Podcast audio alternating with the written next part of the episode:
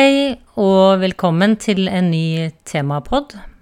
Overskriften i dag er Hjelp, mamma er en konspirasjonsteoretiker.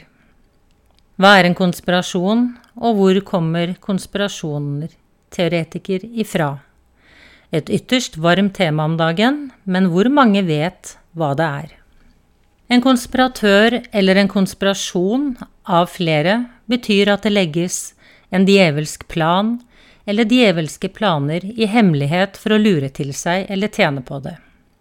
Være seg penger, status eller makt. Altså planer som ikke tåler lyset, og har en agenda som tjener de involverte. Det var CIA på slutten av 40-tallet og begynnelsen av 50-tallet som tok i bruk dette uttrykket om de som stilte spørsmål til organisasjonen. CIA betyr Central Intelligence Agency. De sendte massiv informasjon ut om hva en konspirasjon var, og hvor siste sort disse menneskene var som konspirerte. Det absolutte lavmål. Må jo få si at dette var et uh, smart trekk. For de da som fant motet og brukte sin stemme ved å stille spørsmål og gå dette organet i sømmene, ble uthengt av media og dertil massen, og informasjonen ble ignorert. Sådan fikk CIA og deres like fortsette med sitt i fred. Det ble slått hardt ned på enhver ytring, og under tekke av å tjene folket og landet og vite best, fikk de snudd det hele på hodet til egen fordel. Dette har blitt stående som en sannhet helt fram til i dag. Det har så godt som vært umulig for de få å varsle om negativ utvikling. Negativ utvikling som har med ytringsfrihet, personvern, privatliv, ressurser og fordeling av disse, samt eget ansvar for eget liv og helse å gjøre. Oppfatningen av og overbevisninger om at ledere og makteliten vet best, har dog vist seg å få fatale følger på mange områder av ovennevnte.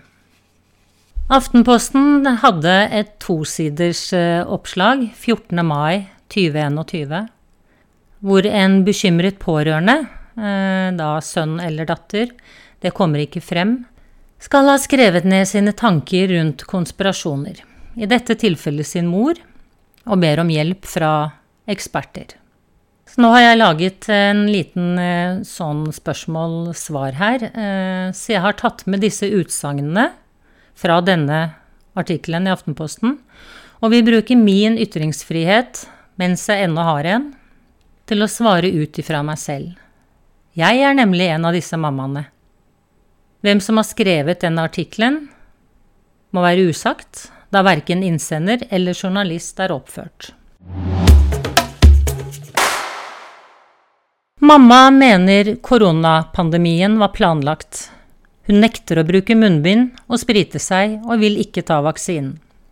Ja, det er altfor mye som ikke henger på greip eller make sense i min verden, og det har lenge før mars 19 ligget i kortene at noe globalt var ventet. Et skifte var på vei, noe mayakalenderen indikerte uten at vi visste hva som ville komme. Det eneste sikre var at det handlet om et bevissthetsskifte. Følgelig er det vi som er interessert i mer enn det som kan ses og tas på, altså det fysiske, som hadde denne informasjonen. Vi ble manet til indre arbeid og øke våre frekvenser for å være forberedt til skiftet som var på vei.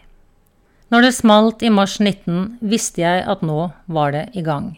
Den første bølgen var skremmende og helt reell. Flere tusen døde i Wuhan i Kina. Nå har det kommet frem i ettertid at viruset er menneskeskapt i et laboratorium i Wuhan. Når det blir sluppet, gikk det hardt utover innbyggerne, det interessante her er at de som bodde i Wuhan, fikk portforbud mot å reise inn og rundt i eget land, men de fikk reise ut. Så, med et ferskt dødelig virus i kroppen, reiste disse kineserne spredt over vår klode. Sådan døde mange på flere kontingenter av det samme før det ble utvannet og menneskets immunforsvar begynte med motangrep. Først trodde jeg C hadde en misjon med å vise oss, altså menneskeheten, at vi alle henger sammen. For det er glemt. Én menneskehet, én jord. Men så endret bildet seg. Det er alltid noen som vet noe, og samtaler og spørsmål dukket opp om hvordan så mange døde brått stoppet opp, samtidig som smitte og tester ble et daglig tema. Virus er aldri kunne bli testet, men nå var det smitte som ble hovedfokus, røde tall. Men denne testen er motbevist og tatt opp av leger og nevrologer verden over som totalt meningsløs. Den forteller ingenting annet enn at det er ubalanse i kroppen, som likså godt kan komme av forurensning og tungmetaller. Det var en forsker og en varsler som tok talerstolen i det østerrikske parlamentet helt i starten av massetestingen. Han tok PCR-testen i Coca-Cola, og den slo ut positivt. Han ble regelrett kastet ut, og hvem vet om han er i live i dag.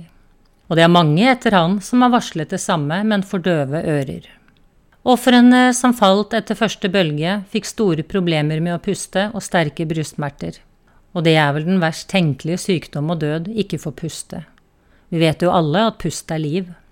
Men som sagt, C ble utvannet, dødeligheten gikk drastisk ned, samtidig med at media og nyheter begynte å snakke om lockdown, munnbind, og at de hadde en vaksine under utvikling. Pandemi og dugnad ble brått ord på alles lepper. Frykten spredde seg som ild i tørt gress, og symptomene, som kunne være C, altså pusten, ble brått førstesidestoff med sjekkliste på symptomer. Media la ut om ryggvondt, dårlig syn, søvnløshet, magevondt og hodepine. Alt kunne være symptomer på C. Og fra å være dugnad for de eldre og svake, har alderen senket seg hver andre måned. Nå vil de vaksinere barn med injeksjoner ingen vet hva skader.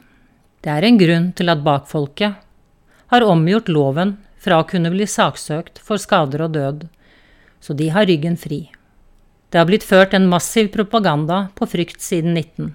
Dette har vært planlagt i lang tid. Avtalen på vaksinen, som hele tiden har vært målet, ble forhandlet og kjøpt av flere land i 2017.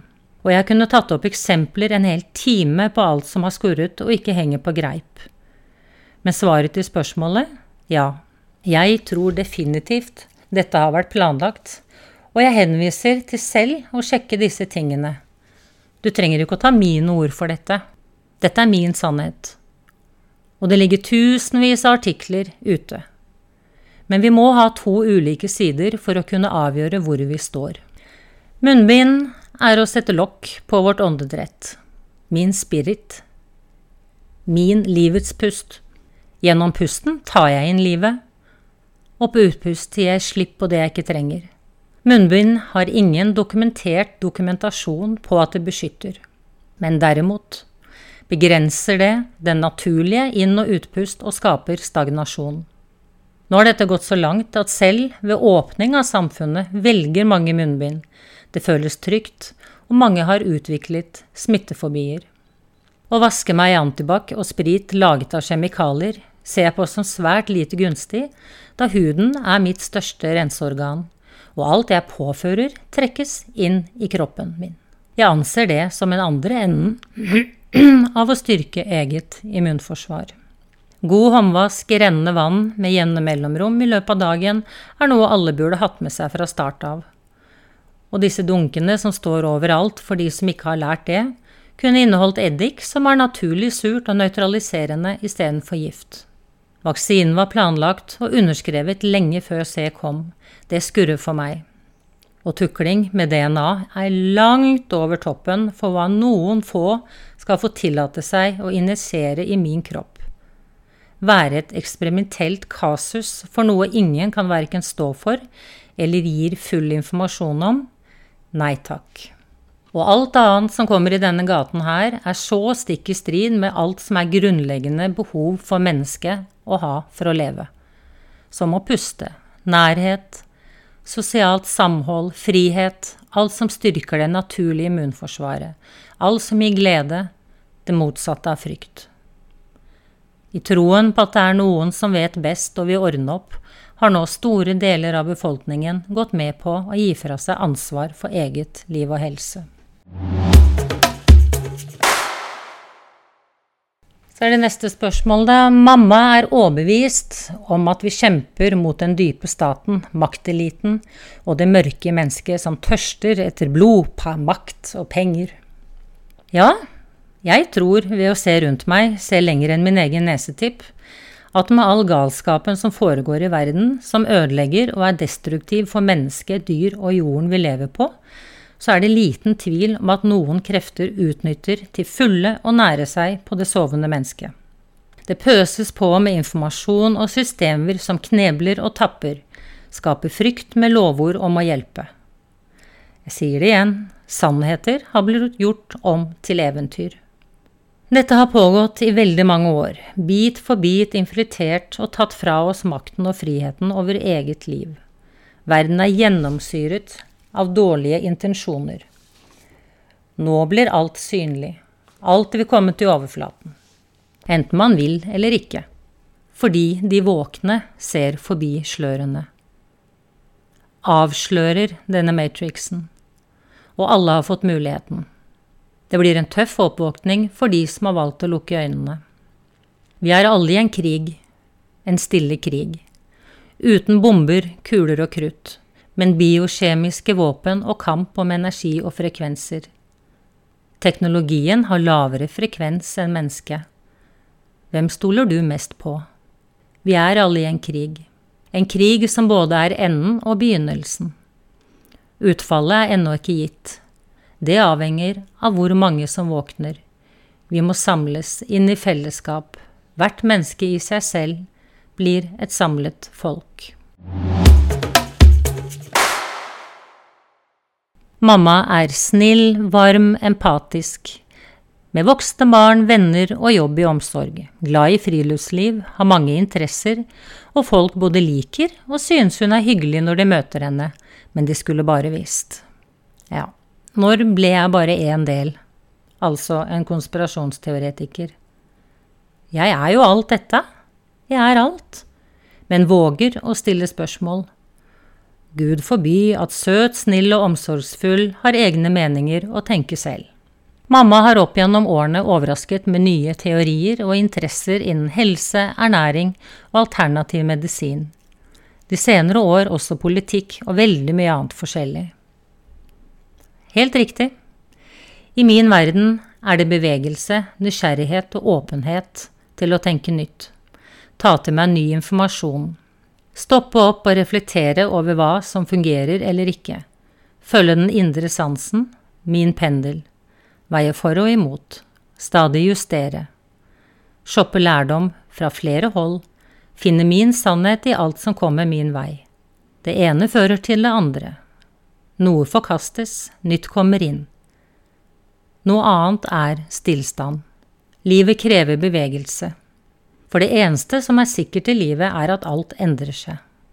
Livet, universet, er i konstant forandring, her uttrykket følger flyten. Som i det store, så i det lille. Mikro, makro. Mamma har utviklet sine konspirasjonsteorier over tid. Jeg har tilegnet meg mer lærdom og erfaring gjennom livet. Selvsagt blir perspektivet større. Jo videre, høyere og dypere jeg ser, mer kommer til syne. Mamma forsvinner lenger og lenger vekk fra vår virkelighet. Vi er alle i den samme verden og virkelighet, men opplever den, ser den med ulike øyne. Jeg står for det jeg ser. Jeg kan ikke late som noe annet. Lukke øynene for at det skal passe en annen, det er å fornekte meg selv. Det har jeg prøvd, og det har gitt meg mye lidelse. Jeg vil heller si jeg lever mer og mer til stede i eget liv. Mamma mener og tror det er noe galt med alle andre som ikke ser det samme som henne. Dette er en gjentagelse jeg har hørt og blitt fortalt og Gud vet hvor mange ganger opp igjennom og det har vært like trist hver gang at mottaker tror jeg deler for å ha rett. For da kommer vi aldri forbi og innom. Samtalen ender i angrep og forsvar. Men jeg er i full aksept av den andres virkelighet. Mamma setter spørsmål til alt av nyheter, skolesystem og etatsorgan. Ja, det gjør jeg. De er stort sett demotiverende og innskrenkende. Mulig intensjonen er god, men resultatene har endt opp med frihetsberøvelse. Jeg tror det er sunt å tenke motsatt og stille spørsmål av det jeg blir fortalt. Da kan jeg velge. Hva er til det beste for meg og mine medmennesker? Ta inn, reflektere, velge, uten absolutthet. Mamma sender linker og artikler som bevis på at hun har rett. Nei. Det er fordi jeg kan stå bak det jeg deler. Ingen vits å skrive alt på nytt. Overhodet uten tanke på at det er bevis. Men en bekreftelse og underbygging av egen oppfatning. Jeg deler for å dele. Det er selvsagt opp til mottaker hva som gjøres med det. At det skaper harnisk, er langt ifra intensjonen. Men jeg har skjønt at folk flest vil ha et bilde eller historie om vin og vaffel. Mamma blir sint på overfladisk prat om hverdagen. Smalltalk er helt ok til sitt bruk, alt til sin tid, men akk så kjedelig i lengden. Folk må gjerne prate om bil, båt og oppussing hver gang de møtes, eller sykdom for den saks skyld, men jeg velger heller samtaler rundt og om livet. Hvem, hva, hvor. Samtaler og møter med åpne mennesker som byr på seg selv, der temaene aldri tar slutt. Det gir meg påfyll og inspirasjon. At det er rom til å dele det som pågår. Det blir det mye glede og latter av.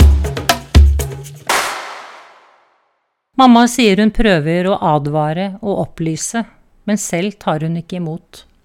Opplyse, ja, det gjør jeg nok. Opplyse en annen side enn den som er satt. Hvordan skal vi ellers bevege oss fremover og lære nytt, om vi lar være å dele det vi har? Min utfordring gjennom livet har vært at jeg har en annen vei enn de fleste, valgt en annen plattform. Det har ofte endt med å forsvare meg og ført til frustrasjon for å aldri bare bli lyttet til.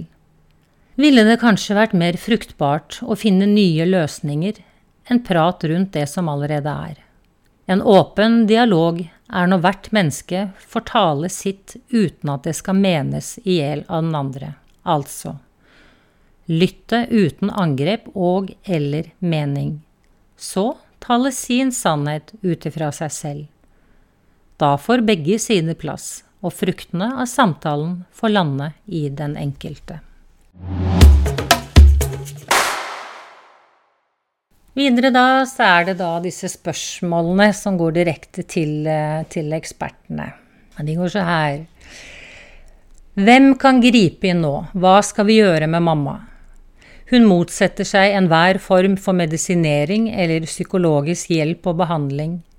Jeg har forstått, ut av å ha lest mye om temaet det siste året, at å få en konspirasjonsteoretiker tilbake til virkeligheten er som å få et sektmedlem ut av en sekt, nærmest umulig. Og det finnes ingen hjelpelinjer for de pårørende. Er mamma blitt farlig nå? Jeg vegrer meg for å la henne være alene med barnebarnet. For hun er liten, eller det står faktisk hen, som er liten og er sårbar for all påvirkning. Jeg føler meg så maktesløs. Jeg etterlyser tiltak og oppfordrer media til å lage flere enkeltsaker, slik at alle kan forstå alvoret. Og jeg vil minne om at konspirasjonsteoretikere kan være mødre, fedre, besteforeldre, naboer og kollegaer. Plutselig kan det være en du kjenner, en venn. ja, altså medisinering, psykologisk hjelp og behandling. Sammenligning med sekt og umulig for pårørende å få hjelp. Etterlysning av en hjelpelinje. Om jeg har blitt farlig og en risiko for barnebarn. Innsenderen vil også minne om at alle kan være en farlig konspiratør, så det gjelder å være på vakt. Her blir både familie og venner nevnt som potensielle farer. Nå har vi alle fått denne gaven av fri vilje, selv om den er strupetatt på veldig mange områder. Men den kan tas tilbake. Her og nå. Så bruk din frie vilje til å avgjøre om jeg går innunder å være en konspiratør ut fra betegnelsen innledningsvis. Eller om det er noe annet som ønsker søkelyset bort fra den egentlige agenda. Så kommer en fortsettelse. Da svar fra disse ekspertene. Og i artikkelen så står det jo at NRK skal ha hatt en artikkel i januar om hvordan prate med en konspirasjonsteoretiker. Hvor en journalist spør hva kan man gjøre når det ikke er mulig å nå igjennom. Som regel er det ikke så mye å gjøre. I noen tilfeller fungerer det å ignorere den delen av dem, svarer eksperten, og anbefaler at om det blir for vanskelig, så må du kutte kontakten. Denne artikkelen har jeg, har jeg lett etter, men den har jeg da ikke funnet. Og Tanja Ellingsen, nord.no, sier det er ikke noe som heter en ufarlig konspirasjonsteori. Og bare det å bli utsatt for konspirasjon gjør oss mer kyniske og mer tilbøyelig til å mene at egen kriminalitet er greit, sier NTNU-professor Asbjørn Dyrendal til Psykologitidsskriftet. Da må det presiseres her at verken Tanja Ellingsen eller Asbjørn Dyrendal har kommentert denne artikkelen i Aftenposten. Hjelp, mamma er en konspirasjonsteoretiker. De har uttalt seg om dette temaet i helt andre settinger og lenge før dens tid. Til eh, refleksjon De av oss som går imot mainstream. De av oss som blir kalt konspirasjonsteoretikere. Vi har ikke noe å tjene på det. Vi får ikke penger for det. Og vi får iallfall ingen heder og ære eller respekt. Faktisk alt annet enn det. Vi blir uthengt, latterliggjort og hånet. Vi mister venner, partnere, selv familie. Vi blir utestengt og småliggjort. Noen går også så langt og kaller oss for kriminelle og mener vi kan samles for å dø. Både vi og våre barn fortjener ikke å leve. Men allikevel står vi i oss selv og bruker vår stemme til å fortelle vår oppfatning og sannhet, vel vitende om hva det kan og vil koste oss. Burde ikke det være verdt å stille spørsmålet hvorfor? Hvorfor er vi villige til å gå gjennom alt dette når det er ingenting å hente? Hvorfor er vi de gale, og de som vet best, de som leverer og står bak nyheter og mainstream informasjon, tjener billioner på folket og deres barn? Vi har en verden i dag hvor det er så å si umulig å vite hva som er sant. Den ene artikkelen slår i hjel den andre. Og med internett og sosiale medier som kan klippe, lime, retusjere, redigere, legge på og trekke fra, alt ettersom, blir det umulig for enkeltmennesket å få oversikt. Selv Hollywood blir sponset og lager filmer mot den veien vinden blåser fra toppene. Da er det fort gjort å velge å lytte til de som leder. Så, hvordan finne sannheten? Det fordrer at du er åpen. Vi finner det vi søker.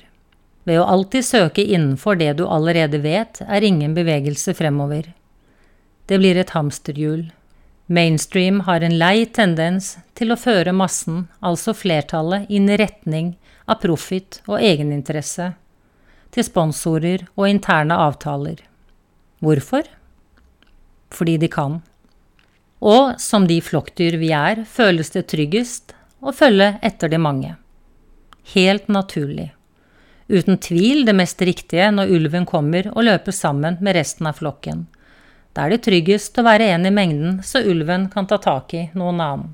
Derimot om en i flokken tror den har sett en ulv, og løper mot et stup, og alle følger etter, ja, da får de seg en kraftig overraskelse. De stolte blindt på lederen, som kan gi alvorlige konsekvenser. Den eneste veien til sannhet i dag finnes i oss selv noe tiden vi er inne i presser seg frem gjennom en global oppvåkning. Vi står alle i et virvar av informasjon som hver enkelt må ta sitt ansvar i å søke nytt, som fører til et valg. Den beste veien dit er åpent å søke all informasjon. Jeg vil tørre å påstå at det er helt essensielt å sette seg inn i det du blir fortalt er konspirasjoner. Begge veier. Da er det noe å velge på. Og ut ifra det, hva resonnerer i deg og meg? Og hva er intensjonen bak informasjonen? Er den basert på frykt eller kjærlighet? Hvordan får informasjonen deg til å føle, reagere? Er den oppbyggende eller innskrenkende? Og så gi all tid til å synke inn og lande. Og i denne refleksjonen legge vekk alt rundt. Husk, ego maner til overlevelse og kan blinde for trygghet versus å leve. Det krever mot å stå i seg selv. Men verden trenger det. Verden trenger at du står i deg selv, uavhengig av hva du velger, men vite at alle valg har en konsekvens. For deg og andre. Hver og en brikke er avgjørende for det store bildet.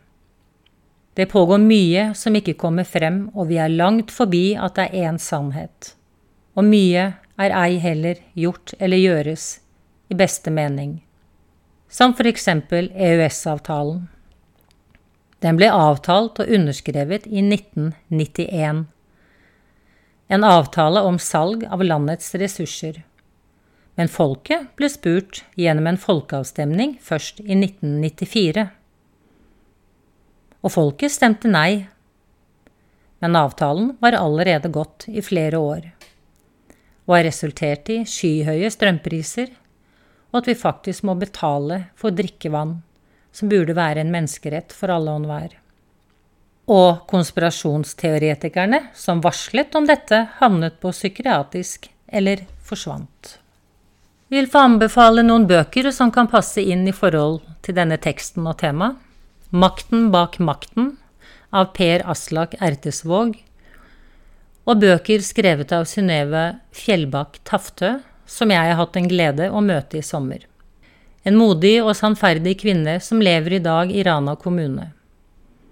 Hun har virkelig fått kjenne og oppleve det å bli uthengt som konspirasjonsteoretiker for å fortelle sannheter om hva som foregår. Disse bøkene finnes gratis på nettet. Skjoldmøysagaen og Nornens beretning. Sterk lesning. Så da avslutter jeg for denne gang med spørsmålet Søker du sannhet eller trygghet?